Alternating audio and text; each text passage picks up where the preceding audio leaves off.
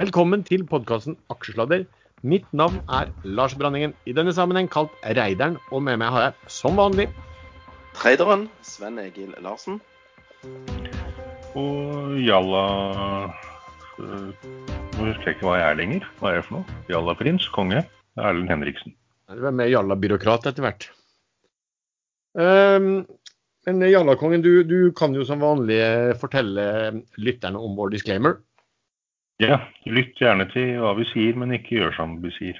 Vi er totalt uansvarlige. Veldig bra. Vi gir ingen råd dersom du hører på hva vi sier her om markedet, aksjer, enkeltaksjer og livet for øvrig. er Ansvaret helt og holdent ditt eget. Når vi spiller inn programmet, så kan vi si feil og gi feil informasjon. Panelet og panelets gjester kan være lang, kort, direkte eller indirekte eksponert i aksjer, selskaper og produkter som omtales i programmet. Du, skal vi starte der vi bruker å starte, da? Um, Sven, hva har du gjort i uh, den siste perioden, uken som gikk? Jeg har vært med i et par nedsalg, et par emisjoner. Um, jeg var med i nedsalget i uh, Magnora. Der, uh, til tross for iherdig innsats fra meglerhuset, så ble den satt på 18 blank. Jeg tror de jobba gjennom hele natten da, for å få på plass den der. og den ble ikke så særlig digg, da. Jeg kom meg ut i break-even. Så det er kanskje bitte litt i pluss. Uansett, ikke noe lykke. Men jeg, dagen etterpå så kom jo analytikere i samme meglerhus og, og, og spådde han i 55, så jeg burde jo kanskje holdt noen timer til. Men nok om det. Mer enn noe annet. Jeg var med i Norcod i går. Jeg ville ha aksjer for en million, fikk aksjer for 92 eh, 500. Men eh, kjente nok til en kjempebra eh, robotklipper, eh, egentlig. Så fornøyd med det med avkastningen der. Var med i eh, Elopak-emisjonen. Var med i uh, Hva for en annen emisjon var det jeg var med i? Jo, Måsøhval. Den ble bra. Eh, Elopak not so much. Og så husker jeg ikke om jeg var med i Jo, jeg var med i et, par andre emisjoner, men der fikk jeg null tildeling. Blant annet i denne her grønne hydrogenaksjen i København, på, på Nasdaq i København. Fikk null tildeling, så da slapp jeg å bekymre meg for den. Ellers har jeg trada litt, kjøpt en del Havgroup i dag, fordi at uh, jeg tror det var en litt større selger som endelig ble ferdig der, så jeg tok siste post på 1390. Uh, eh, ellers uh, eh, handla en del. Tok TGH òg i dag. Jeg skal snakke litt om hvorfor. Fordi at uh, den kommer til å bli bra i dag. Men uh, det er litt sent for lytterne som hører dette her først i morgen. Og du Erlend, hva har du gjort? Jeg har tredet litt uh, rekk og QEC. Eh, REC trodde jeg skulle lenger ned, før den, den går jo i ganske stor trading-range mellom 18-19 eh, og helt ned i 14-15. Men den snudde opp igjen på høyt 16-tallet, og nå ligger den på 1830, så da ble jeg ikke med på denne runden. Men den går gjerne før helgene, fordi veldig mange tror at det kanskje skjer noe i løpet av en helg bort i USA, og så kommer det noe melding på mandag morgen, men det er vel veldig sjelden det slår til, tror jeg. Uh, det er jo det gamle uttrykket 'tør du å sitte utenfor i helgen', uh, og ja, det skal man stort sett tørre. Det er, ikke så mange som jobber noe sted i verden i helgene. QC er litt det samme. Der håper vel markedet at, at det skal komme noe news og pumpe kursen opp uh, før de setter en emisjon. Uh, det tror jeg de må ganske snart. Men jeg uh, har vært med på Aksis-emisjonen.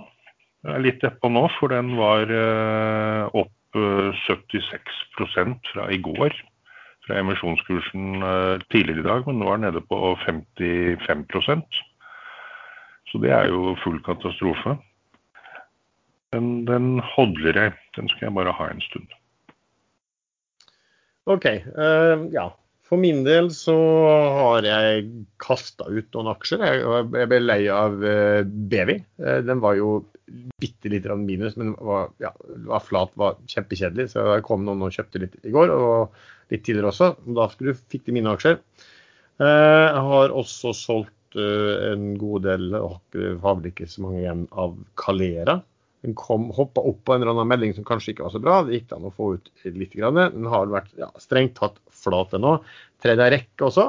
Eh, og så har jeg vært med i um, eh, Magnora-emisjonen, og selvfølgelig også fulgt med på hva som har skjedd på Aksis. Og begge de to kan vi jo snakke om litt senere. Men eh, vi har jo da også en som vi, eh, et eget innslag da, som, der vi snakker om eh, emisjoner og debutanter. Og da, her er det jo ganske mye. Emisjoner kan vi jo ta med da, eh, nedsalget. Eh, skal vi, hva, hva, har, hva har du fått med deg av de tingene, Sven? Jeg prøvde jo etter beste evne å oppsummere her for et par minutter siden. Men uh, vi kan jo ta de én for én hvis du har en liste. Ja, jeg trodde du hadde en liste. du, du... Nei, jeg, jeg, var jo med Måsøval, Elopak, nedsalg, Norcod. Så var det noen jeg ikke fikk tildeling i, som jeg ikke husker fordi bare fortrenging da. Var det noen flere? Hvordan har de gått? Altså, Elopak, hvordan har den utviklet seg? Elopak er en gigantisk IPO der fra Ferd-systemet. Um, nei, aksjen ble um, solgt på 28, altså IPO-en gikk på 28. Han åpna på 28, uh, falt et godt stykke under og slutta på 28 takket være denne green shoe-opsjonen som meglerhusene får for å stabilisere kursen. Så den ble ikke særlig suksessfull. Men noen fikk redusert det var voldsomt hva som skjer nå, da. Nå handla jeg rundt forbi her. Men, men. Men hvorfor tok uh, Ferd Elopak på børs? Det er vel for å, å, å, få inn noe cash, da. Vil jeg tro. Ja, Kanskje, altså, Prisingen på børsene er jo relativt høy, og folk har mye penger og springer etter det som kan bevege seg. Eller det som blir tilbudt. Tas imot med åpne armer. Men uh, altså, jeg, jeg bare tenker på om dette er noe sånn topptegn på børsen. At uh, mye, mye, rart som børsnoteres nå. Ja, nå er vel ikke melkekartonger det rareste som finnes, da. Men uh, ja, det er kanskje det. folk ser at nå får vi godt betalt for eierandeler. Så da tar de også børsnoterer. helt fair, det. Ja, Elopak er jo et, et, veldig bra selskap, det. Men det er akkurat det du, du sier, Sven. at Det er et spørsmål om kanskje man ser nå at nå kan man få så veldig godt uh, betalt uh, ved å noteres, og, og, kan hente penger og, og, gjøre nedsalg og hele den biten der også. Um, skal vi se hva andre ting som hadde vært da. Altså, komplett, de holder vel på uh, har, de, har de stengt den emisjonen sin? Har du sett på den, Sven? Stengte, stengte, stengte ikke den i går, da? Jo, kanskje det. Jo, han gjorde det rundt klokken to, tror jeg. Uh, jo, jeg hadde egentlig opprinnelig tegna meg der, men pga. Uh, at Elo uh, var så lunken, så tok jeg og strøk tegningen. Jeg ser for meg litt samme case i komplett. At du kommer deg sikkert ut på emisjonskurs, men jeg tror ikke du tjener særlig mye penger. og Heldigvis har de sånn green shoe option, og så har de økt beløpet i emisjonen. og Det er litt sånn, det er sånn showstopper for min del. Ja, ikke sant. For de, økt, ikke sant? de hadde en sånn range i starten på hvor den emisjonen skal bli satt, og så har de økt den så du kommer helt i høy enden av den rangen der ja, IPO-kursen skulle sett. Bare for, å, bare for, å, si det, når du snakker om green shoe, sikkert ikke alle som har hørt om det, men det betyr vel egentlig at meglerhuset på mange måter har en pott eh, som de kan støttekjøpe eh, aksjen på hvis den skulle falle under, under IPO-kursen. Ja. På godt norsk eh, en overtildelingsopsjon. Men det høres mye kjedeligere ut enn green shoe. Green shoe ja. høres litt sånn eksotisk ut. Ja. Um, og så hadde vi da Måsøyval, eller Måsøval. Var det, var, du, hva du med, fikk du, du tegna den, Sven? Ja, jeg tegna Måsøval, ja. Det gjorde jeg. Jeg tegna for husker ikke hvor mye, om det var 100 000 euro eller om det var 120. Men uansett fikk 3000 aksjer av 32,90, eh, så jeg fikk Eh, sånn type 9,8% tildeling der. Så når du får så lite tildeling, så pleier det å bli bra, og den ble bra. Ja, for den er oppe Hva sa du den var på 32 den ble satt på? Den er jo nesten i ja, underkant av 40 nå. 39,50 er den på nå. Så den har jo vært, eh, vært veldig bra.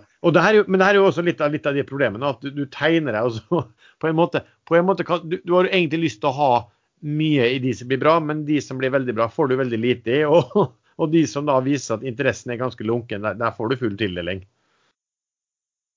Um, skal vi se, men, men, det har jo også da vært um, en del Norcod var jo også det, men det, ja, det, under, altså det har vært en del større nedsalg. Uh, la oss ta den uh, Magnora da med en gang. Um, hva, var det, hva var det som skjedde i det nedsalget, Sven? Yes, det var Sveås, uh, Kristin Sveås uh, sitt investeringsselskap Kistefors som ville ut av aksjen. De hadde òg solgt på um, rundt 30 kroner, men det hadde ikke jeg fått med meg helt. Uh, så jeg ble litt sånn Du solgte vel halvparten i mars? I mars, ja. ja stemmer. Uh, så det skulle jeg jo fått med meg uh, før jeg sabla ned og lurte på hvorfor i helsike han skulle selge alt, liksom. Men dette var tydeligvis en finansiell investering, da, så han engasjerte et meglerhus, Fearnley, denne gangen, som, som plasseringsagent for de aksjene. Uh, megler ringer tøff og fæl og sier ja, den ble gjort på 20, det er masse demand og alt dette her. Uh, og så Det var vel rundt klokken 17 uh, på kvelden. Og så sånn i 22-tiden Nei, det, det, det, ser ikke ut så det blir verken 19 eller 20. Det blir mest sannsynlig 18.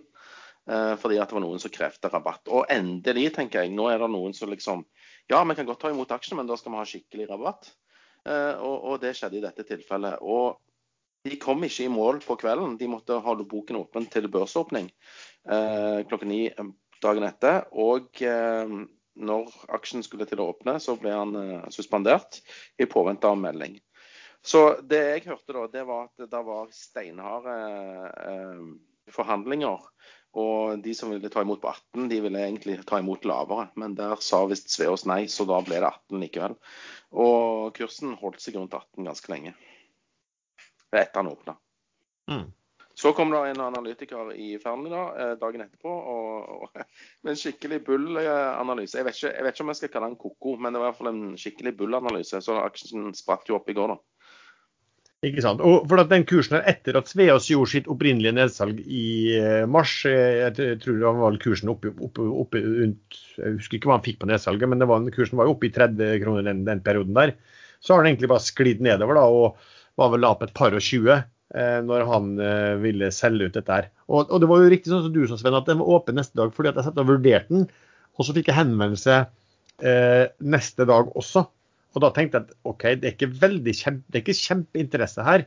Men så tenkte jeg OK, den rabatten her begynner jo å bli ganske pen. Um, så jeg, så jeg fikk, fikk, tok også på 18, og da fikk vi jo da Vi fikk, vi fikk jo full tildeling på det vi tegna også, Sven. Ja, og du, du, vet jo hva det betyr. Ja, ikke sant. Da må du kjempe for paren.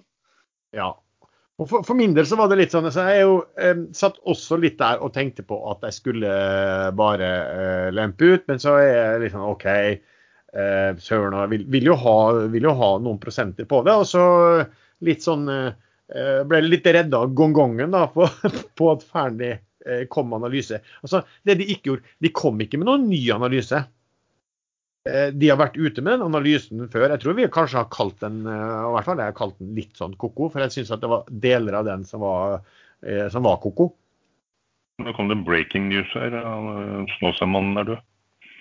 Joralf Gjerstad. Men hadde han funket, så Nei, hadde, hadde, hadde, han funket, så hadde jo han vært mangemilliardær. Han hadde jo visst nøyaktig hva han skulle kjøpe på børsen. Han så ikke den komme, var det du sa, Sven? Ja, den var kanskje litt slem nå. Jeg syns egentlig det var en svart humor på en av de bedre svarte humorene jeg har hørt på en stund. Så det var, synes jeg var helt fint. Um, jo, altså, det, men det som da skjer med, med da, Det som er litt festlig her, det er jo følgende. Uh, Sveås um, han engasjerer Fearnley til å selge, selge, ned posten sin i Magnora. Uh, og Fearnley har allerede da en analyse med kursmål 55. Så det var ikke noe, det var ikke noe nytt, det. Så for å si det sånn, han, eh, kunden trodde i hvert fall svært lite på øh, regneegenskapene til, eh, til, de som fikk øh, oppdraget. 55 var vel ikke Det var vel et sånn ordentlig risk-kursmål. Kursmålet De hadde vel veldig, veldig mye høyere tall enn det hvis man ikke trakk fra litt jeg tror ikke de hadde risket så veldig mye. For, for jeg så på hva det var. altså De, hadde, de sa vel at det var noen, noen, visse områder som de holdt på med, den teknologiske, som kunne slå igjennom. Da kunne det bli sånn og sånn. Men, men det som jeg så som jeg så det, var at de hadde regna veldig, veldig, veldig høy verdi på en sånn Sør-Afrika-satsing. Eh, og den Sør-Afrika-satsingen, så jeg, husker når den kom, så det sto ikke ett ord om hva selskapet betalte for den satsingen. Eh, min mistanke er at de ikke har betalt veldig mye penger og skal sette i gang i Sør-Afrika, og, og at meglerhuset umiddelbart fastslår at OK, de skal sette i gang i Sør-Afrika der og der. Jeg vet ikke hvilke tillatelser de har, og sånn, og da er det verdt automatisk x, x 100 millioner eh, kroner. Sveås har tydeligvis ikke trodd på det, for jeg tror ikke han selger på 18 hvis han er enig i, de, eh, i den i den analysen, så det blir jo litt interessant å se hvem som får rett. For min del så har jeg solgt ut, uh, solgt ut en hel del i går, og solgt ut resten i dag. Uh, og sånn sett så kan man jo bare ja, jeg, jeg, tror faktisk at Jeg vet at du var inne på det, Erlend. Jeg tror faktisk at du hadde fått rett at denne her hadde endt med minus for meg, hvis ikke de hadde kommet galopperende til unnsetning med den, med, med den mailen da, som, som resirkulerte tidligere analyse og, og brukte liksom ord som 'screaming by' og 'stil' og hele biten. Ja, Som til helt tilfeldigvis kom akkurat den dagen han hadde solgt seg ut.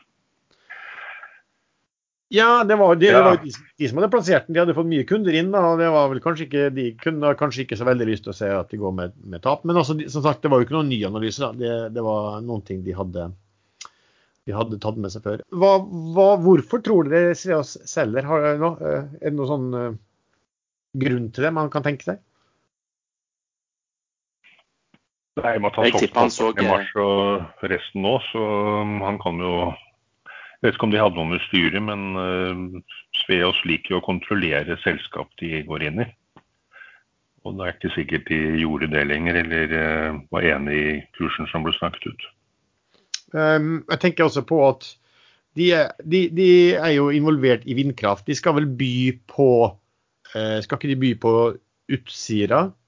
Og de skal også by på det der jeg snakket om, disse Scotwind i eh, England. Eh, kan vel tenke meg at Sveås får med seg hva Ørsted og Equinor i løpet av få dager har poengtert ut.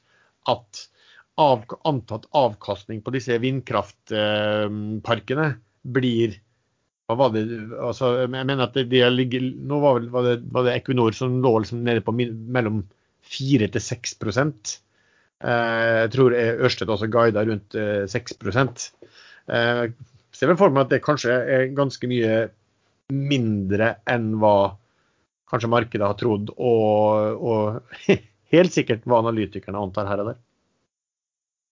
OK, eh, men vi fikk en annen profilert aktør da, som, eh, som, solgte. altså Bergen Carbon Solutions det har jo vært en, eh, en, kanon på børs, og vi har snakket om den her også. Saga Pure, Saga Pure, også populært kalt, de gikk, gikk, jo inn med en større investering der før IPO, faktisk, og har også noen store opsjonsrettigheter. Men de solgte seg da ned i det selskapet også ved en sånn plassering liksom som Sveas gjorde. Um, hva, hva, hva, gjorde de der, um, Sven? De gjorde akkurat det du sa. De solgte aksjer i uh, Bergen Kaboom. Uh, for de har jo noen opsjoner på kroner seks, tror jeg de har, Sagapure. Så selge på 50 og, og kjøpe på 6 hørtes ut som en god deal i mitt hode. Men det som òg skjedde, var jo at Spetalen privat tok, tok, litt aksjer i dette nedsalget. og Det gjorde vel òg Fredelig. Så ja, mixed signals der. Ja, det, men, det, men altså, det, er vel ikke så rart. at Jeg tror da at Saga Pure solgte eh, en eh, De solgte vel ikke så mye som 25 De, de solgte bare en mindre del da, av, eh, av, eh, av antall aksjer de hadde i Bergen Carbon Solutions. Og Saga Pure er jo et investeringsselskap, så det høres jo fornuftig ut for dem å og ta litt chips vekk fra bordet. Jeg så bare på balansen deres, og da, nå begynte Bergen Campus Lurs å utgjøre en veldig stor andel av verdien i det selskapet også. Så det kan være at, de, de, at dette er bare en, en sånn ren um, balansering. Men det er sikkert fristende å ta litt etter den kjempeoppgangen også. Uh, Erlend, hva tenker du om at, uh, at Spetalen og, og Fredelig uh, tok i um, nedsalget fra Saga Pure? Nei, Det er jo interessant at de gjør det. Det åpner jo opp for en masse fantastisk flotte konspirasjonsteorier. Men uh, de skal vi kanskje ikke dra her. Eller kanskje vi gjør det. Jo, Nei, det, det, er klart. Når, når Spetalen kontrollerer Saga og de selger seg ned og han tar privat, da, da kan man jo spinne litt rundt det. Da er det er han og Fredelig, og det var vel en til av de store, klar over at her er det mye større oppsidepotensial, og det vil de heller ha privat enn å dele med de andre aksjonærene i Saga. Men han eier vel såpass mye av Saga, så det, er nok et litt dårlig argument. Ja. Et argument kan jo være å ta er jo at det gjør nedsalget mye enklere. Ja. Nei, man, Porteføljejustering er nok det som har skjedd, og det er eh, helt fornuftig. Og Hvis han da mener at uh, her er det porteføljen må justeres i Saga, men han ser verdier, så er det helt fair det at han tar. Det er jo også et riktig signal å sende til markedet hvis han er, eh, vil vise at det er, De har ikke mistet troen på Bergen Carbon Solutions, men de, de måtte justere. Eh, men kursen, var den på? Den var rundt en, eh, var nesten opp i 60, men den var avslutta vel på 7, over 57 den dagen de skulle gjøre. Hva, hva, ble, hva ble det nedsalget satt på til slutt? 50 kroner blank. Ja. Så de ga en sånn ca. Ja, 15 da, rabatt på, på, siste kurs. Norcod, var du med på den, Sven? Hvordan var det? Den var fin, den torskeaksjen der, altså. Den eh, Vanvittig rabatt, da. Eh, han stengte vel på 120, var det det? Um, og så ble nedsalget gjort på 92,5. Så da slengte jeg meg på og ville ha rabattaksjer. Eh, fikk 1000 og ikke Ja, jeg er jo happy med det, men jeg er jo ikke sånn kjempehappy. Men kursen er opp igjen eh, fra 92,5 nedsalg til eh, hvor er den nå? Nå finner jeg kanskje på taperlisten engang. 112. Jo, det var han. 112. Så den har jo henta seg fint opp. Ja, så du har, fått, ja, du har fått inn aksjer, og, og, og, de er, og du er ferdig med dealen allerede, tenker jeg? And it's gone. Ja. Men er det når du er ute og irriterer deg over denne gressklipperen din, at du har lært deg nordnorsk, så du skal få litt eh, bedre bannegloser enn dere har der borte på Østlandet? Nei, det er vel mer pga. at vi har hatt eh, han der Ringholm på besøk tre ganger, og han er jo flink på sånn nordnorsk. Så eh, det er vel derfor det er bare smitter.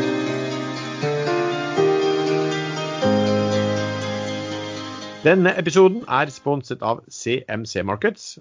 Og med oss som vanlig der har vi sjefen sjøl, Henrik Sommerfelt, som kan fortelle oss litt mer om tjenestene de tilbyr. Takk, Lars. Jeg regner jo med at dere har fått tusenvis av nye lyttere de siste månedene, så jeg tenkte gjenta litt om uh, hva, hvem CMC Markets er. CMC Markets er et uh, globalt verdipapirforetak uh, etablert i 1989. 13 kontorer over hele verden og ca. 600 ansatte. Vi er en av verdens største CFD-leverandører, eller meglere, og børsnotert i London med markedsverdi på rundt 12 milliarder kroner. Vi er den eneste CFD-leverandøren eh, med kontor i Norge. Vi er derfor den eneste som er under tilsyn av det norske finanstilsynet og medlem av Verdipapirforetakenes forbund. Fra vårt kontor ved Rådhusplassen i Oslo betjener vi alle våre skandinaviske kunder. Og det vi tilbyr er en tradingplattform for både PC, Mac eller mobil, hvor man kan handle mer enn 11 000 finansielle instrumenter. Produktet man handler hos oss, er CFD-er. Og med CFD-er kan man gå long eller short i globale og norske aksjer, indekser, råvarer, valuta, rentepapirer og kryptovaluta. Med CFD-er kan man handle med inntil 30 ganger giring på de største og mest likvide valutapar, og ned mot to ganger giring for, eh, når det gjelder f.eks. kryptovaluta. Innenfor aksjer er giringen fra femgangeren og lavere.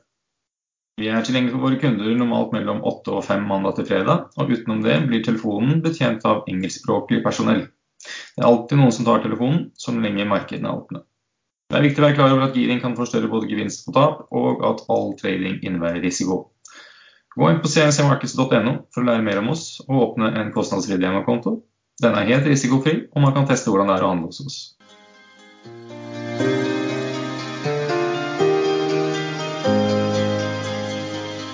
Men nå, nå selges aksjesalg, så hvorfor faller den nå? Den har eh, Den gikk opp til over 0,17 på rundt 50 millioner aksjer i volum, og nå har den falt på 8 millioner aksjer i volum, ned til 0,15,5. Så det er opp på høyt volum og lav, ned på lavt volum. Det er ikke noe å bry seg om. Ja, OK. Jeg, jeg var jo med på denne Axis-emisjonen. Det glemte jeg vel å si.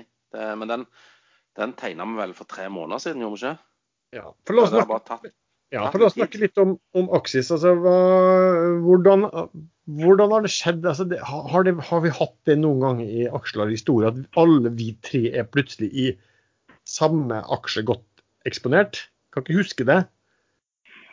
Nei, jeg vet jo aldri hva dere kjøper eller selger uansett. Ja, så, men, eh, men her var jo Aksis noe jeg snappet opp eh, på nyåret, eller egentlig på slutten av fjoråret, når, eh, når, de, når den gruppen kom og var villig til å finansiere opp Aksis og slette all gjeld og få ut uh, problemene. Uh, men han Monaco-investoren uh, han satte seg på bakbenet, så da tok det tid.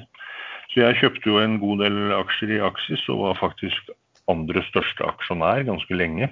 Um, I håp om ordentlig, et ordentlig vakuumrally. Det, det kom ikke, så jeg solgte faktisk alle mine to millioner aksjer her i mai, var det vel. Og så gikk det en uke, og så gikk kursen opp til eh, langt over 50 øre. Og et vakuumrally før de nye aksjene kom. Så vakuumrally funker ennå. men Jeg var ikke tålmodig nok. Men det spilte ingen rolle. Nå fikk jeg de aksjene jeg ville ha på ti øre i den rette emisjonen, og det gjorde jo dere også, så det er jo bra for alle. Mm. For jeg ble også, kom jo også inn i, uh, inn i Axis fordi at jeg hørte du for å snakke om uh, et sånt, at her kunne det bli et sånt uh, vakuumrally. Så jeg kjøpte, kjøpte Axis, og da jeg husker jeg Sven ristet på hodet og lurte på hva, i all verden er, er det som skjer nå. Um, og kom meg ut av det. Men det gjorde jo at vi var aksjonærer og at vi begynte å følge med litt på det selskapet. Og så um, begynte vi vel å begynte i hvert fall å, å, se litt på det og diskutere litt med Sven i forhold til hva, hva, hva, hva er tankegangen bak her og hva er verdiene. Og så var jo ikke denne emisjonen der på ingen måte fullført, så vi eh, ja, ga vel beskjed om at denne emisjonen eh, kan vi tenke oss å tegne i, og ble tildelt. Det er vel en grei eh, historisk ja, så, og så ser man jo på de som deltok i emisjonen. Det er jo veldig tette tilknytninger til Magnoria her. Så da var det jo lett å tenke seg at de kanskje ikke er de vanlige flipperne som tar i en tiøresemisjon og selger på 12-13 øre, men at de har en plan. Og det har de jo børsmeldt. Det gjør jo hele dette caset veldig interessant. De har børsmeldt at de etter generalforsamlingen, ekstraordinære generalforsamlingen 23.6, det er neste onsdag, så vil de komme med en plan om videre, hva som skjer videre, og at den kan inkludere oppkjøp. Så det var jo en del som tok i den emisjonen som lå rett over eh, meldepliktige grenser, både 5 og 10 og 15% Og det kom ingen børsmelding i dag om at noen har gått under grensene. Så foreløpig holder den teorien vann, at her er det faktisk langsiktige aksjonærer som har gått inn i den tiåresemisjonen. Mm. Og rett mens du sier det, så dumpes han rett ned i 15 blank. ja, ja. Jeg tror ingen ja, der, der, der, gikk det faktisk 5 millioner aksjer på den dumpen der. Men det er jo ingenting.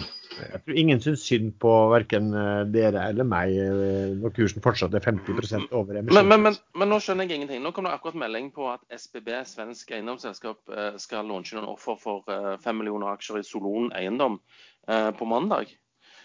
Hvorfor får jeg da aksjer på 38,5? Solon har vært et veldig langsiktig og tregt case etter at de tok over Gamleby og Nord, skallet derifra. Det var vel på rundt 38 kroner de gjorde det, tror jeg. Så de har De leverer jo greit og er i high end-markedet av nye boliger. Men det er ikke akkurat den aksjen man kjøper hvis man vil ha 30 oppgang på en uke. Nei, nei, men jeg bare syns det var litt merkelig at uh, SBB skal kjøpe 5 millioner på 40, og så kan du kjøpe aksjer på 38,5 nå i markedet. Ja, nei, Det er selvfølgelig rart. Så da kan du kjøpe Sven, og så kan du, så kan du tilby de til, eh, til, den som vil eh, Jo, men det er sikkert andre òg som vil selge på 40, da, hvis du kan kjøpe på 38,5. Så, men eh, jeg får, får, prøve på det. Ja, det kan, være noen blok det kan være noen blokker som man allerede har snakket med, der, som skal ja. stå først i køen. Det er ikke utrolig. Forutsett. Men tilbake igjen da til, til aksjer. så Jeg satt jo og begynte å se litt sånn fundamentalt på det. Eh, nå har du kommet inn masse penger, nye penger på, på, på 10 øre, og så ble det gjort en større gjeldskonvertering på 50 øre per aksje. Og så så jeg bare på hva eh, altså Selskapet består vel egentlig i dag mer eller mindre av, av to eh, multiklientbibliotek. Fortrinnsvis ett som de har på, på Utsira-feltet. Eh, ganske stort, eh, og, og, som er et veldig attraktivt område i, i, i Nordsjøen. Og så en, en, som de har eh, skutt og gjør sammen med tror jeg Western GK eller sånt, i, i, i Suez-området, eh, som de skal begynne å selge. av. og, og de, eh, hvis du begynte å se på tallene, så så du at etter alt dette her er gjort, så ville bokført verdi per aksje, sånn som jeg regna på det, ligge rundt 17 øre, kanskje 17 øre per aksje. Eh, men den bokførte verdien, altså det biblioteket var ganske mye nedskrevet allerede, eh, som et nytt eh, bibliotek. Det som var interessant, og som også vekka interesse, var at når du begynte å se på hvem som skulle foreslås inn styre, i styret der, så var det styremedlem herr Torstein Sandnes.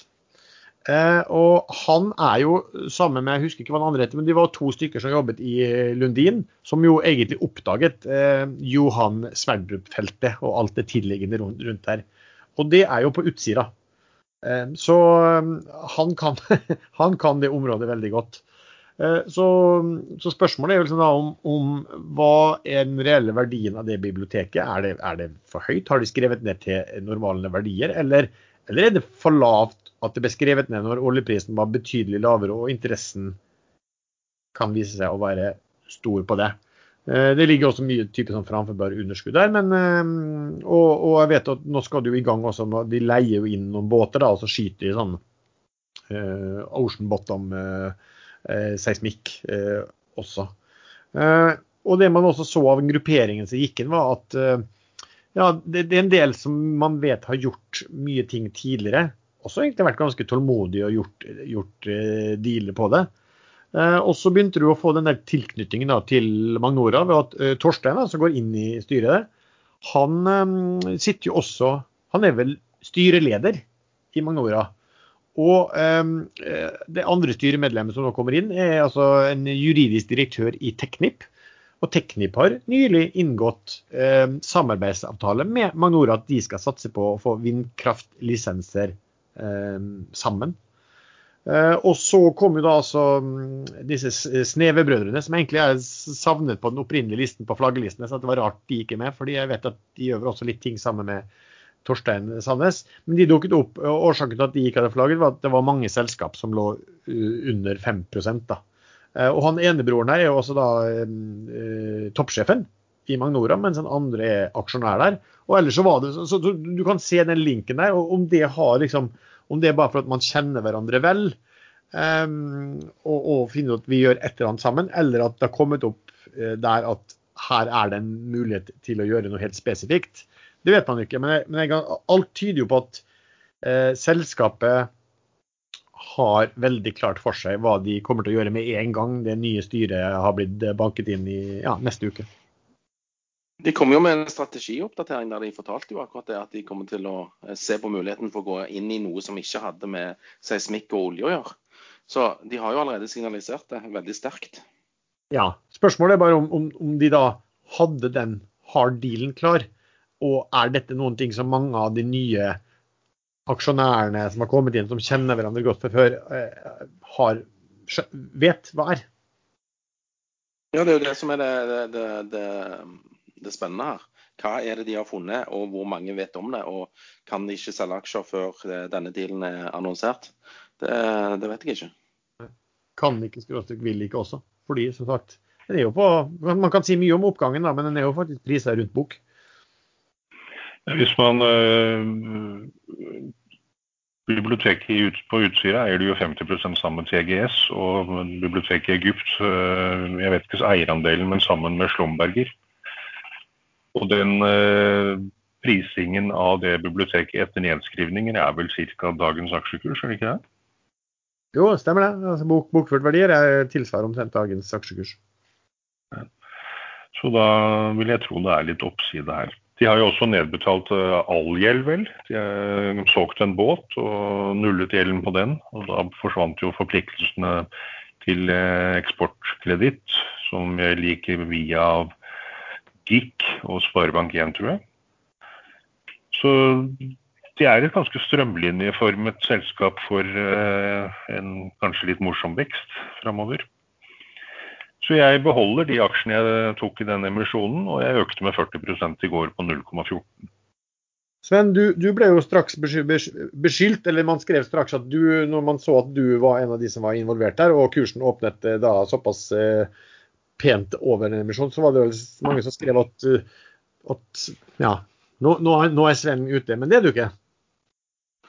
Nei, jeg solgte ikke en eneste aksje i går. Jeg kjøpte derimot 3,5 millioner ekstra på 13 eh, øre, 13 øre-tallet. Uh, mulig jeg kommer til å, å, handle litt med de 3,5 millionene men jeg hadde tenkt å beholde de ti til, uh, til vi ser hva de har tenkt å, å, slå seg sammen med, og om det er noe spennende. Jeg håper det jo blir et sånn sexy hype-case som folk bare får vann i munnen av, liksom, for da, da går jo kursen. Mm. Så i og med, hadde de ikke hatt uh, den gulroten uh, der som kan komme fort etter generalforsamlingen neste uke, så hadde jeg nok tatt gevinsten, vil jeg tro. For det er liksom det er sånn det ligger i blodet. Men eh, på, på, litt eldre dager så, så, må vi se litt lenger og så prøve å følge med litt på hva Erlend gjør. fordi at Erlend gjorde jo akkurat det samme. Han kjøpte jo òg i går. og han kan sånne case som dette. Han har jo vært med i både KOA og alt mulig annet sånn skeit.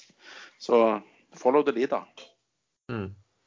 Og For min del så har jeg også bare sittet helt uh, rolig. Og, men, men, uansett hva vi sier nå, så, så vi har jo snakket før om at man er så så, og kanskje man skal langsiktig tenke sånn og sånn. Men det betyr jo ikke at man ikke at man ikke uh, at, at, ikke man kan ha solgt de aksjene om ti minutter, for den saks skyld. Uh, det er jo gjerne hvis plutselig du gjør en ny vurdering eller kommer ny informasjon eller noe sånt. bare sånn at lytterne er liksom litt litt, litt klar over det.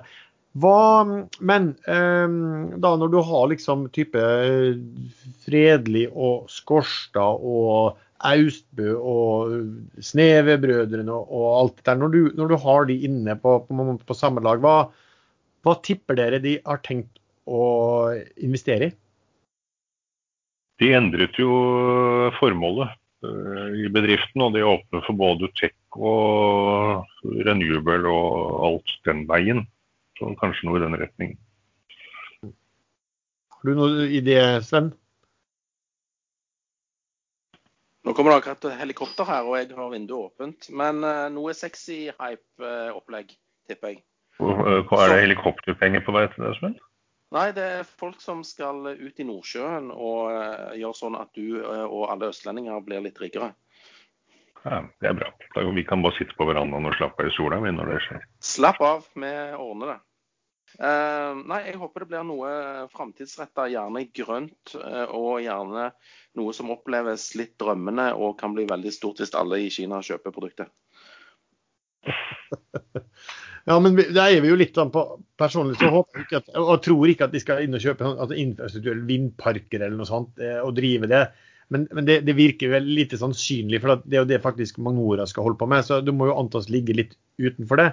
Uh, og, og, personlig så er jo grønt i stort sett Så jeg håper jo at de går inn på noe som går på teknologi, og som er retta mot det grønne markedet.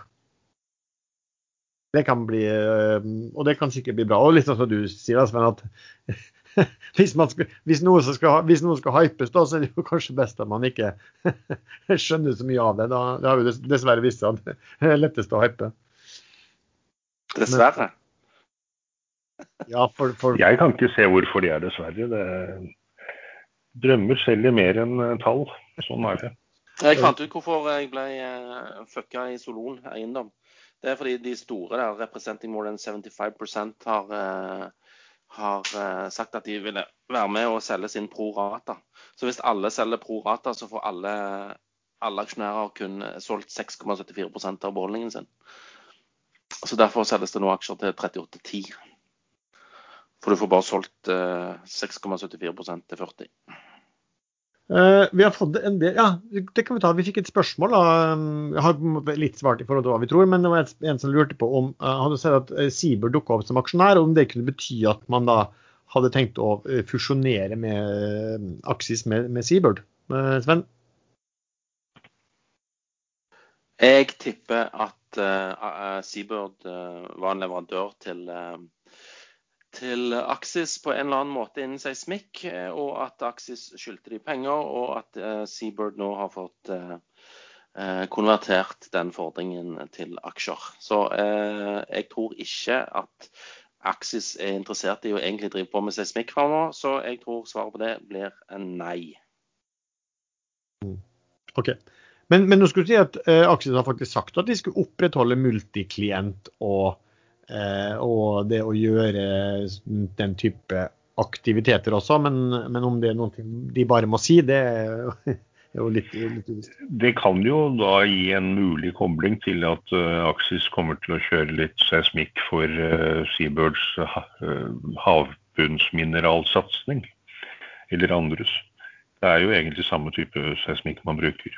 Ja, men, men, men, men Seabird, altså, den, den derre havbunnssatsingen deres ligger jo et eget selskap som er børsnotert. Og Seabird er jo, er jo de, de, leverer jo seismiske tjenester sjøl, så det er vel Seabird som vil levere til disse hva heter det, Green Energy Minerals, eller hva det nå heter. Green, green Minerals. Ja, men da kan vi hoppe bort fra, eh, fra Aksis, kan vi gå over til litt større ting. Eh, Fed har hatt et som vanlig stort møte med mye oppmerksomhet i Ukens Riks. Hva, hva skjedde? Nei, det skjedde ikke så veldig mye. Han klarte ikke å si tapering, selv om han prøvde. Uh, tapering er jo når de liksom reduserer balansen sin hva gjelder, hva gjelder innkjøpte obligasjoner. Uh, men det som kom fram var at litt flere spådde renteøkninger litt tidligere enn før. Og uh, Powell klarte òg å si at det er mulig vi har undervurdert inflasjonen litt, og at den kan bli litt sterkere på kort sikt enn det vi trodde. Men det er fortsatt ingen fare. Det er bare party on og kjøp aksjer. Eh, så angående inflasjonen og den voldsomme veksten i bl.a. Tre, treverk, prisingen, eh, det var vel over 200 opp i USA, så har den droppa som en stein siste uken. Falt vel 25 siste uke og fortsetter fallet nå.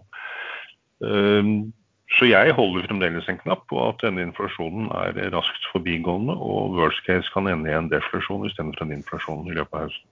Mm. Men det er vel ingen som tror at dagen inflasjon vil holde seg. Da. Det er vel et spørsmål hvor mye den eh, vil gli ned, hvor høyt blir den liggende. Altså, selv om den faller fra hva var den på nå, 5, 5 selv om den faller til 2,5% så vil jo det være høyt i forhold til um, rentenivået og hva Fed og, egentlig forventes også. Mm. Men der var jo Fed smarte i fjor. De sa at de har et inflasjonsmål som er fastsatt, men de Eh, Pga. Eh, covid og voldsomme fall i etterspørsel og alt, så var de smarte nok til å si at de kom til å ignorere eh, vesentlig høyere inflasjon over relativt korte perioder. Ja. Nå driver Sven og håver inn penger her. Jeg tror, han, jeg tror det kommer en sekk fra det helikopteret. Ja, det er ikke verst det. Eller helikopter, Ben Bernenke som flyr hjem med nytt helikopter og dropper penger til Sven. Det blir bra, det. Du, eh, vi, vi, har, fått inn ganske mye spørsmål liksom litt om inflasjon og marked og renter og alt der. Folkens, vi hadde en helt utmerket episode forrige uke der vi hadde besøk av uh, Pål Ringholm. Der vi gikk gjennom masse sånn her. Pål fortalte oss vi ga veldig mye informasjon, fortalte mye, veldig mye historiske uh, saker og, og relaterte det til det. Så jeg anbefaler da å på det sterkeste og høre gjennom eh, den episoden. Den eh, fikk man mye skryt på. Pål er veldig flink, underholdende og flink å forklare. Skal vi se eh, Et spørsmål her, da. Eh, det, no, det, har vært shippingbonanza. De, de, snakker da om containerskip og tørrbulk. MPCC, Bell Ships med mer. Er det for sent å gå inn og ta del i den bonanzaen nå? Men nå har jo Kina sagt at eh, vi må roe ned dette råvarekjøpet vårt. Vi må eh, bruke av lagrene våre hva gjelder liksom diverse malmtyper og metaller som de har på lager, men som de kanskje ikke har på lager. Men du ser jo en, en litt skarp nedgang i shippingrelaterte, altså bulkrelaterte aksjer og container da, som ikke har så veldig mye metaller å gjøre eh, i dag. Eh, men en jeg snakker med i, som mener og greier på dette, mener at dette er bare midlertidig, og at det, det er bare gevinstsikring. Jeg har ikke så god peiling på shipping, det har jeg prøvd å si i mange episoder på rad. Men det er jo ikke unaturlig at folk tar litt gevinst etter at det har gått rett i taket over en lang periode. Jeg husker jeg solgte Bellships på rundt 7 kroner, og i går så var den vel rundt 15. Det har jo vært en veldig fin reise, og det ser ut som de har gjort veldig mye rett. Eh, men Han faller litt tilbake i dag, men det er jo søren ikke rart, da. Han er på 13,80 nå. Man må få lov å ta litt gevinst. Men eh, hvis Kina da har mye på lager, så vil jo ratene på, på bulkshipping gå ned. Men jeg tviler på at de har så veldig mye på lur. Mm. Men en ting er kortsiktig. Erlend, tror du de kommer til å, de shippingsegmentene shipping-segmentene kommer til å bygge seg i hjel nå? Det vil si bestille nye nybygg sånn at de, markedet kollapser om Det er vel det som pleier å skje, men nå sliter alle verftene med kapasiteten pga. Eh, covid både her og der. Så det er vel ikke så lett å bygge seg i hjel nå som det har vært før. Men det kan vel snu seg fort? Eller? Jeg, så, jeg så bare at på, innenfor container, altså hvor stor hvor, hvor, mye Det var bestilt noen helt enormt antall uh, nye containerskip. Uh, så mye at det sto at andre segmenter kunne ha problemer med å, få, med å få bestilt så veldig mye, fordi de hadde tatt ut en så stor del av det. Uh, så det kan jo være urolig i forhold til det markedet. Men, men, det vil jo da ligge en del år fram til sånne som kommer nå i bestilling blir, blir levert, og man kan jo tjene da veldige penger hvis det fortsatt er knapphet på, ja, på, på kapasiteten i, de årene. Det er ikke så godt å si. Uh, en spørsmål om, som du kan mye om, uh, Solstad offshore, er det noe, noe, som skjer der? Nei, det som skjer er vel at det ikke skjer noe med Maximus. Uh, de, den enorme båten har jo gått på en kontrakt i Mexico som har blitt forlenget og forlenget, men den siste forlengelsen var vel til 15.6, og nå har vi 18.6. Eh, og det er litt eh, make or break for Solstad at de får den båten i arbeid. Ellers så er det noen klausuler som bryter inn om at et selskap kan kreve at Solstad kjøper den båten. Og det har de jo ikke penger til nå. Men Kursen ligger på rundt 6,20. Eh, man vil vel tro de klarer å få dyttet den båten inn på en eller annen kontrakt som de kanskje ikke tjener penger på, men som utsetter hele problematikken. En sånn worst case, eller kanskje best case, så, så kjører de en, eh, en, rekonstruksjon til på gjelden på den båten, og kanskje litt av den eh, andre gjelden som fremdeles er på 20 milliarder kroner. og så og så blir det et nytt case man kan dra opp fra kanskje litt lavere kurs, men eh, med litt mindre gjeld. Så jeg sitter på sidelinjen og avventer. Jeg har ikke hatt SOF, på en stund. Uh, vil heller uh, kjøpe på syv kroner etter ny kontrakt med Maximus, eller løsning på den problematikken, enn å kjøpe på seks nå og risikere å bli med ned til tre. Um, skal vi se hva vi har av andre spørsmål her. Jo, Sven, om Valaris. Eh, hva, hva, hva skjer der? Nei, det skjer, skjer, jo ikke så veldig mye. Han uh, ligger der på 20 Hva hva det var nå? Sånn 27 blank. Han følger egentlig litt oljepris og, og, og Peers, så vi får bare vente for de som den. Jeg solgte jo de siste jeg hadde på rundt 29, så kan jeg jo kjøpe den tilbake, da. Men eh, nå har jeg fått lagt min elsk på Diamond Offshore, som, er, som sikkert snart skal på børs, de òg. Så jeg har fått tak i noen unoterte aksjer der. Um, så ja, jeg er veldig positiv til rigg fortsatt, men uh, akkurat nå så ser det ut som en liten konsolidering før videre uh, oppgang. Men hva er Diamond, da? Er det noe som er restrukturert og har vært utenfor børs og skaper børs igjen, sånn som dere andre? Ja, ty type sånn eh, De har vært gjennom chapter 11 sin og kommet ut eh, med veldig redusert gjeld. Eh, aksjene er fortsatt unoterte, samme som Noble var. De gikk på børs nettopp og, steg relativt bra fra 18,5 der jeg kjøpte de, og unotert. Nå får du tak i Diamond Offshore på 5,5, tror jeg det. Eh, så jeg tipper at den òg vil gå en dollar eller to når han kommer seg på børs. Ja. Men hvordan, Så- så- hvordan har Noble gått etter at de kom på børs? Uh, nei, han gikk jo litt i unoterte før han kom på børs. Han gikk vel opp til rundt eh, 21. Så jeg stakk han vel opp til rundt 25 når han kom på børs. Ja. Så det er litt sånn lite drag. Men altså, det er jo så herlig upopulært å være eh, aksjonær i riggselskap at det er jo litt sånn Ja. Det, du snakker ikke høyt om det i eh, sosiale settinger. Det er i hvert fall ikke en podkast.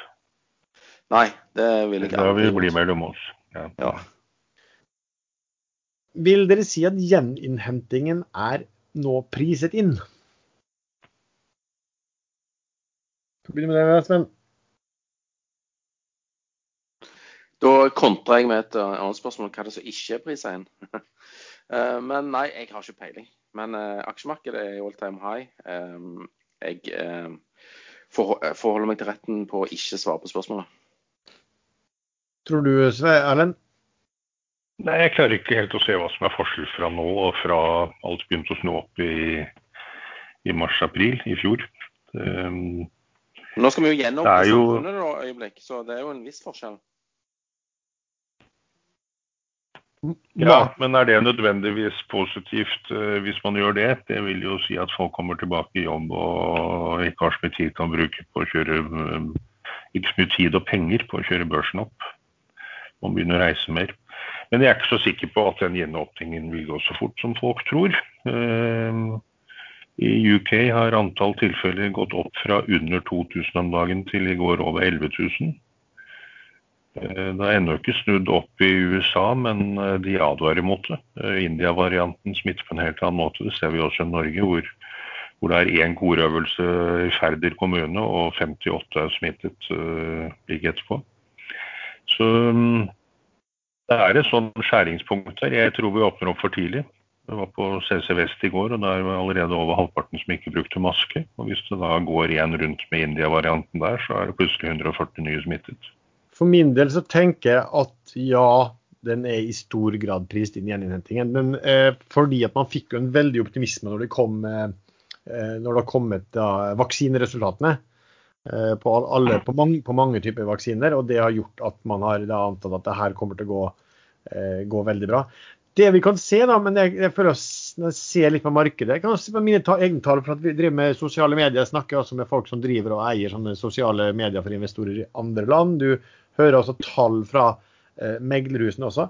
Det er at retail er vesentlig mindre aktive nå. Jeg, ser ikke at det kommer inn noen nye penger på en måte fra, eh, fra retail. Eh, det er kanskje mange som har gjort trader og holdt på mens de har vært ja, i, i karantene eller hjemmekontor, og som kanskje ikke gjør det like mye nå. I hvert fall ikke, Det var jo mye grønt, og de har jo fått en, en sånn en smell også. Men jeg ser liksom litt tendenser at når det kommer noe case for retail, så, så ser du nesten at andre case eh, faller. Vil si de, de må flytte pengene bort fra noen ting. At det er kanskje litt lite nytt som akkurat nå eh, kommer inn. Er det en sånn oppfatning eh, dere har òg, eller? Jeg ser jo at ting har begynt å roe seg, og det er ikke like euforisk som det var for kun eh, en måned siden. Eh, Men du, eh, Lars, du har vel egentlig tilgang på å måle dette, i hvert fall for det norske markedet. I, i og med at du selger jo ut eh, morgenmailer og alt dette her, og du klarer vel å se på åpningsrater og slike ting? Og, og Ja. hva som ha, har, altså, har det, og den gikk faktisk eh, eh, en bra, bra fall i åpningsratene eh, i en periode. Um, du hadde jo det der toppunktet var rundt februar og sånn. Jeg, jeg kan se det på hvor mange nye som melder seg på eh, nyhetsbrevet.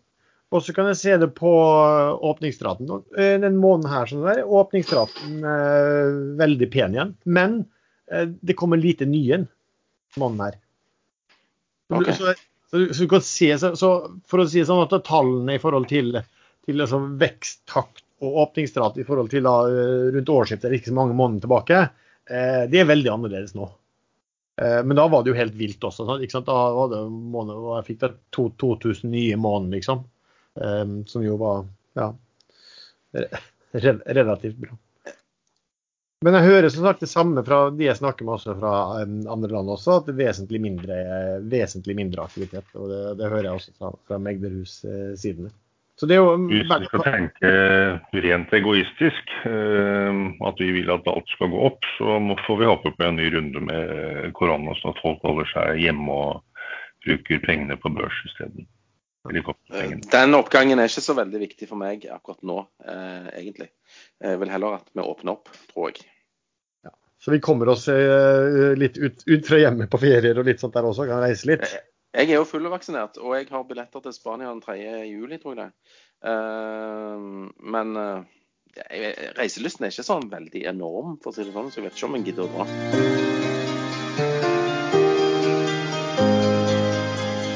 Her er en annonse for SAS-selskapet Smartcraft, som går på børs med forventet første noteringsdag 24.6. Tegningsperioden for private og profesjonelle investorer pågår nå. Smartcraft er en ledende nordisk leverandør av virksomhetskritiske SAS-løsninger til SMB-bedrifter i byggebransjen, og har mer enn 9000 kunder og 95 000 enkeltbrukere. Selskapet hadde en gjennomsnittlig årlig vekst på 71% i perioden 2018 til 2020 drevet av en kombinasjon av høy organisk vekst og oppkjøp av komplementerende softwareløsninger. Smartcraft drives svært lønnsomt hadde en justert driftsmargin i 2020 på 41% Nå er det mulig også for private investorer å tegne seg i emisjonen. Det kan man gjøre på en av nettsidene til ABG, Carnegie eller nordnett.no. Du kan også lese mer om dette på smartcraftready.no Lenken til denne finner du i beskrivelsen til episoden. Så er det viktig informasjon. Denne informasjonen er altså en annonse. Annonsen inneholder informasjon om et planlagt tilbud over verdipapirer, men inneholder kun bakgrunnsinformasjon. Denne annonsen er ikke, og utgjør ikke en del av, et tilbud om å kjøpe aksjer eller andre verdipapirer i Smartcraft ASA. Som informasjon i denne annonsen kan ikke tillegges vekt ved en eventuell investeringsbeslutning i noen verdipapir i Smartcraft. En eventuell investering i verdipapirene som nevnes i denne annonsen er forbundet med risiko for tap av hele investeringen og må gjøres på grunnlaget av prospektet som er tilgjengelig på www.smartcraftready.com, eh, www.abgse.com og www.carnegie.no. For å få en full forståelse av risikoene forbundet med en investering i verdipapir i Smartcraft, må potensielle investorer lese hele prospektet før man fatter en investeringsbeslutning. Finanstilsynets godkjennelse av prospektet skal ikke forstås som en anbefaling av verdipapirer omtalt i prospektet. Og vi kan tillegge at Smartcraft eh, på, i dag, på fredag, hadde en presentasjon i regi Ekstrainvestor som du kan finne på incubate.com. Eh, lenken til denne mm, presentasjonen finner du også i beskrivelsen til denne episoden.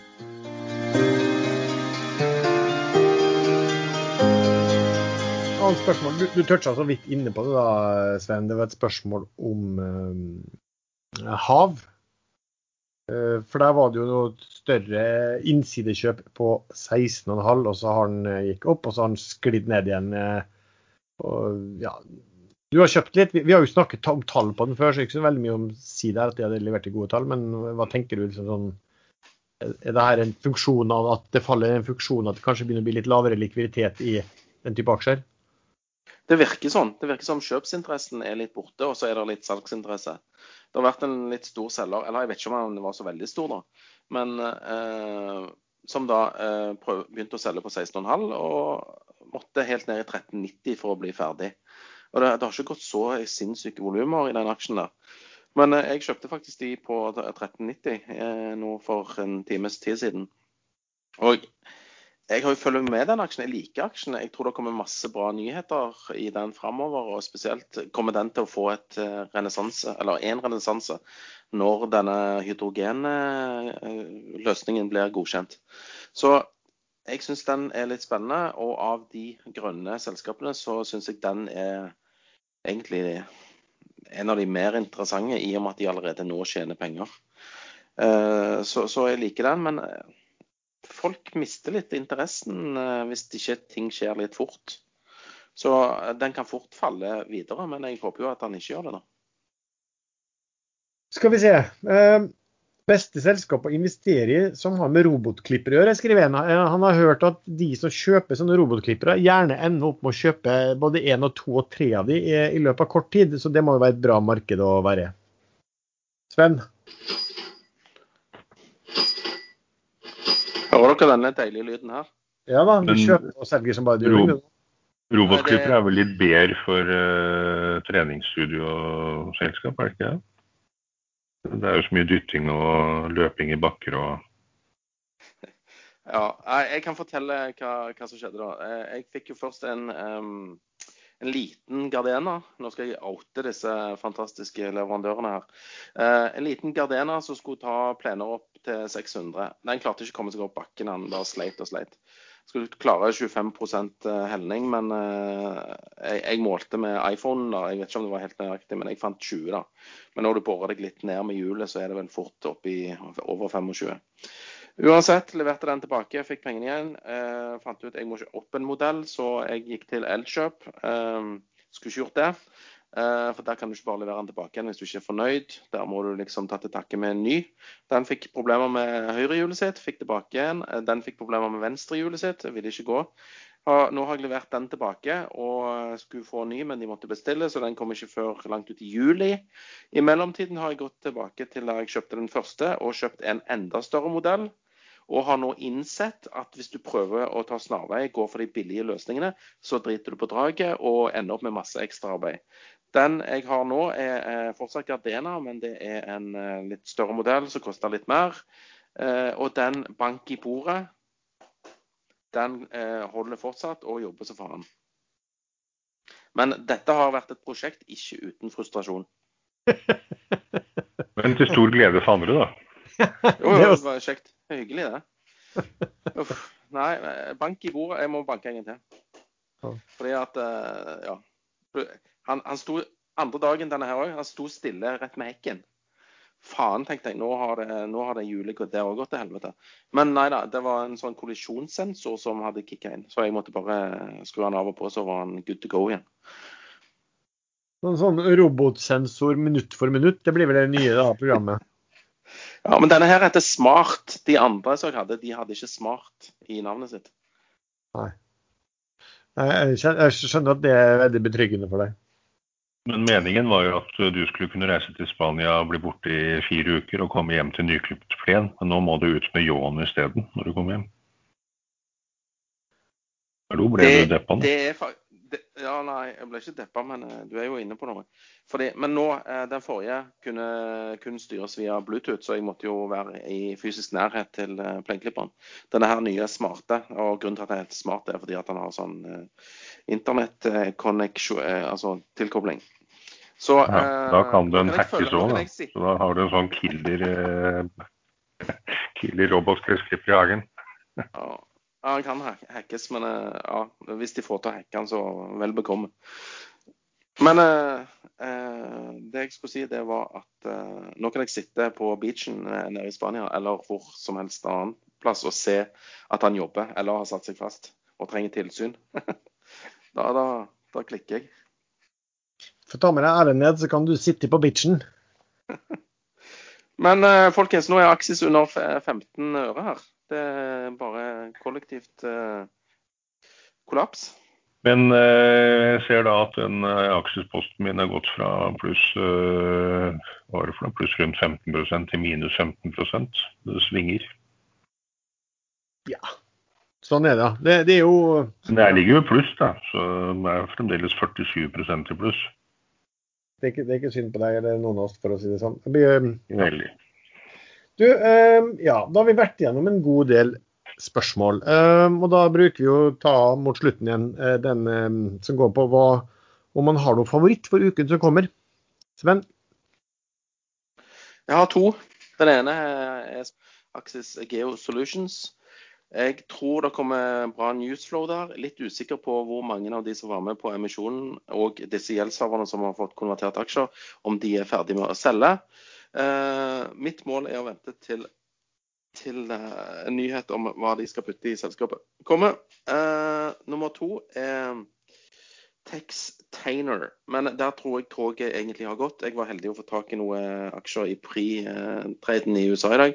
Fordi at en av konkurrentene deres, CAI International, fikk et bud fra Mitsubishi eh, i går aften eh, som prisa disse her CAI 50 eh, premium eh, til siste kurs.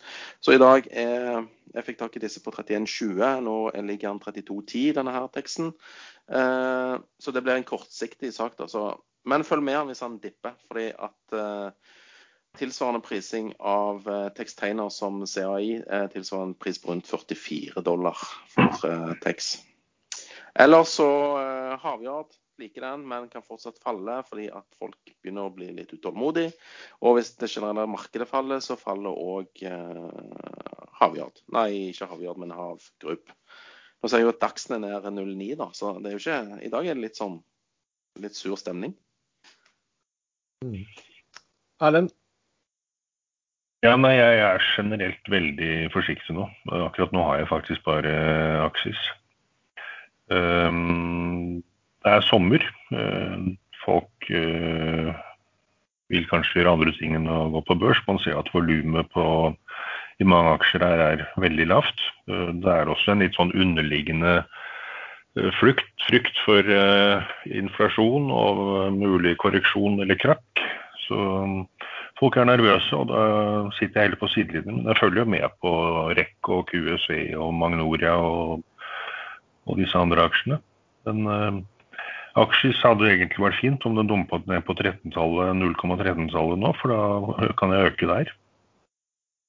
Jeg kjøpte litt for høyt i går på 0,14, og den falt helt ned til 0,1315. Så det var jo rundt 6,5% vel. Eh, for høy inngang. Men det blir nok bra på sikt. Men ja, jeg sitter og avventer litt i andre aksjer. Jeg vil ikke være med ned i sommerstille korreksjonsmarked. Potensielt sommerstille korreksjonsmarked. Eh, for min del så er jeg litt inne på tankene. Når jeg ser at interessen begynner å bli litt mindre, så OK, det dukker opp en del muligheter i eh, small cap. Eh, og så må du liksom veie det mot OK, nå er det jo ganske, Likviditeten er ikke så bra, og det kanskje begynner å bli enda dårligere likviditet, litt mindre interesse. Da skal man være litt eh, forsiktig og tenke på hva er det liksom man og hva er man eh, hva er det man ser etter her? og hva Er det, liksom, ja, hva, hva, er det noe, er det noe sånn snarlige triks? Jeg har egentlig ikke så mye. Jeg sitter jo sånn satt med aksjer som med dere og venter i spenning om det skjer noe neste uke, da, når eh, man har fått valgt inn det det, det nye styret som, eh, som skal ta tak. Ellers så hadde vi jo sending i dag for et selskap som skal på børs neste uke, som er Smartcraft. og da, Det gjorde at jeg ikke helt opp, kunne være oppmerksomhet i markedet. Det er klart, Jeg, jeg ser jo sånn som eh, Sven nevner på med hav, eh, så syns jeg at den begynner å bli, se bra ut der. I hvert fall i betraktning av at en stor aktør som sitter i styret, nylig kjøpte betraktelig med aksjer på på eh, nesten 20 eh, høyere kurs.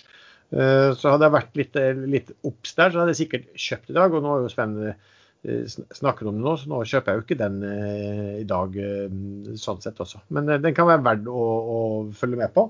Eller så så jeg bare men som jeg har sittet på ganske lenge og som egentlig har gjort gjort det bra en periode, er jo, er jo et, et, veldig drittkjedelig selskap som heter Treasure.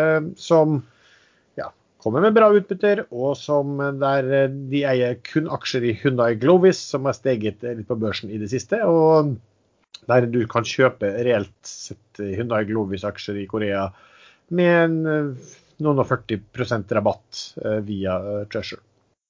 Men som sagt, jeg kommer sikkert til å gjøre noe i uka. Det er en del aksjer jeg syns kan være interessant, men jeg, men jeg drar meg litt når jeg ser liksom den den, eh, den, likviditeten, eller kanskje litt bortfall av likviditet, som jeg, man begynner å ane. OK. Eh, helgens planer, gutter. Er det bare å på, sitte på foran stolen og se på, og se på fotballkamper? Jeg har uh, halvt tyske barn, og jeg var så heldig å bli invitert på både middag og fotball. Uh, og så skulle vi da bare montere et sånn kjøkken on the side. Eller Lurer litt på hva som egentlig var motivasjonen for invitasjonen, men man kan jo ikke si nei til egne barn. Jeg tror faktisk at de hadde et dypt ønske om å invitere deg på mat, og at du skulle se fotball sammen med dem. Og så kom de på etterpå da, at vi, de har et kjøkken som skal monteres. Det Ja, det. det var helt sikkert sånn det var. Ja, Vans vanskelig å lage mat uten kjøkken. ja det er hybelkjøkken. Leilighet. Leilighet. Ja, men det, dette, du er jo sånn tømmermann eller sånn, eh, sånn flink med hendene, så dette ordner jo du på Hallo, et kvarter. jeg har folk som gjør sånn for meg. Ja. Han er Ja, Hva, hva, hva, er, hva er problemet da? Erlend, er på ferie. Erlend har mer sånn tømmerhode, han, tror jeg. Ja, han får besøk Jeg var flink. eh, Jeg kunne både skru inn lyspæreskift og skifte sikringer før jeg fikk eh, ansatte som gjorde sånn for meg. Ja, Det, det tror jeg mange lyttere faktisk er ganske imponert over å høre. Nei, jeg var, jeg var veldig flink, men nå kan jeg, nå kan jeg faktisk nesten ikke de to tingene der. Automatsikringer klarer jeg. Det må man vippe på. Skal vi si oss eh, fornøyd eh, for denne gangen? Det gjør vi. Eh, ja, da takker jeg så mye til dere som lytter. Vi tre finner dere veldig ofte inne på chatten på Ekstramester. Dere finner lenke til det i episoden. Ellers så har vi en egen gruppe på Facebook som heter podkasten Aksjesladder. Så musikken er laget av sjazz.com. Så da høres vi snart igjen.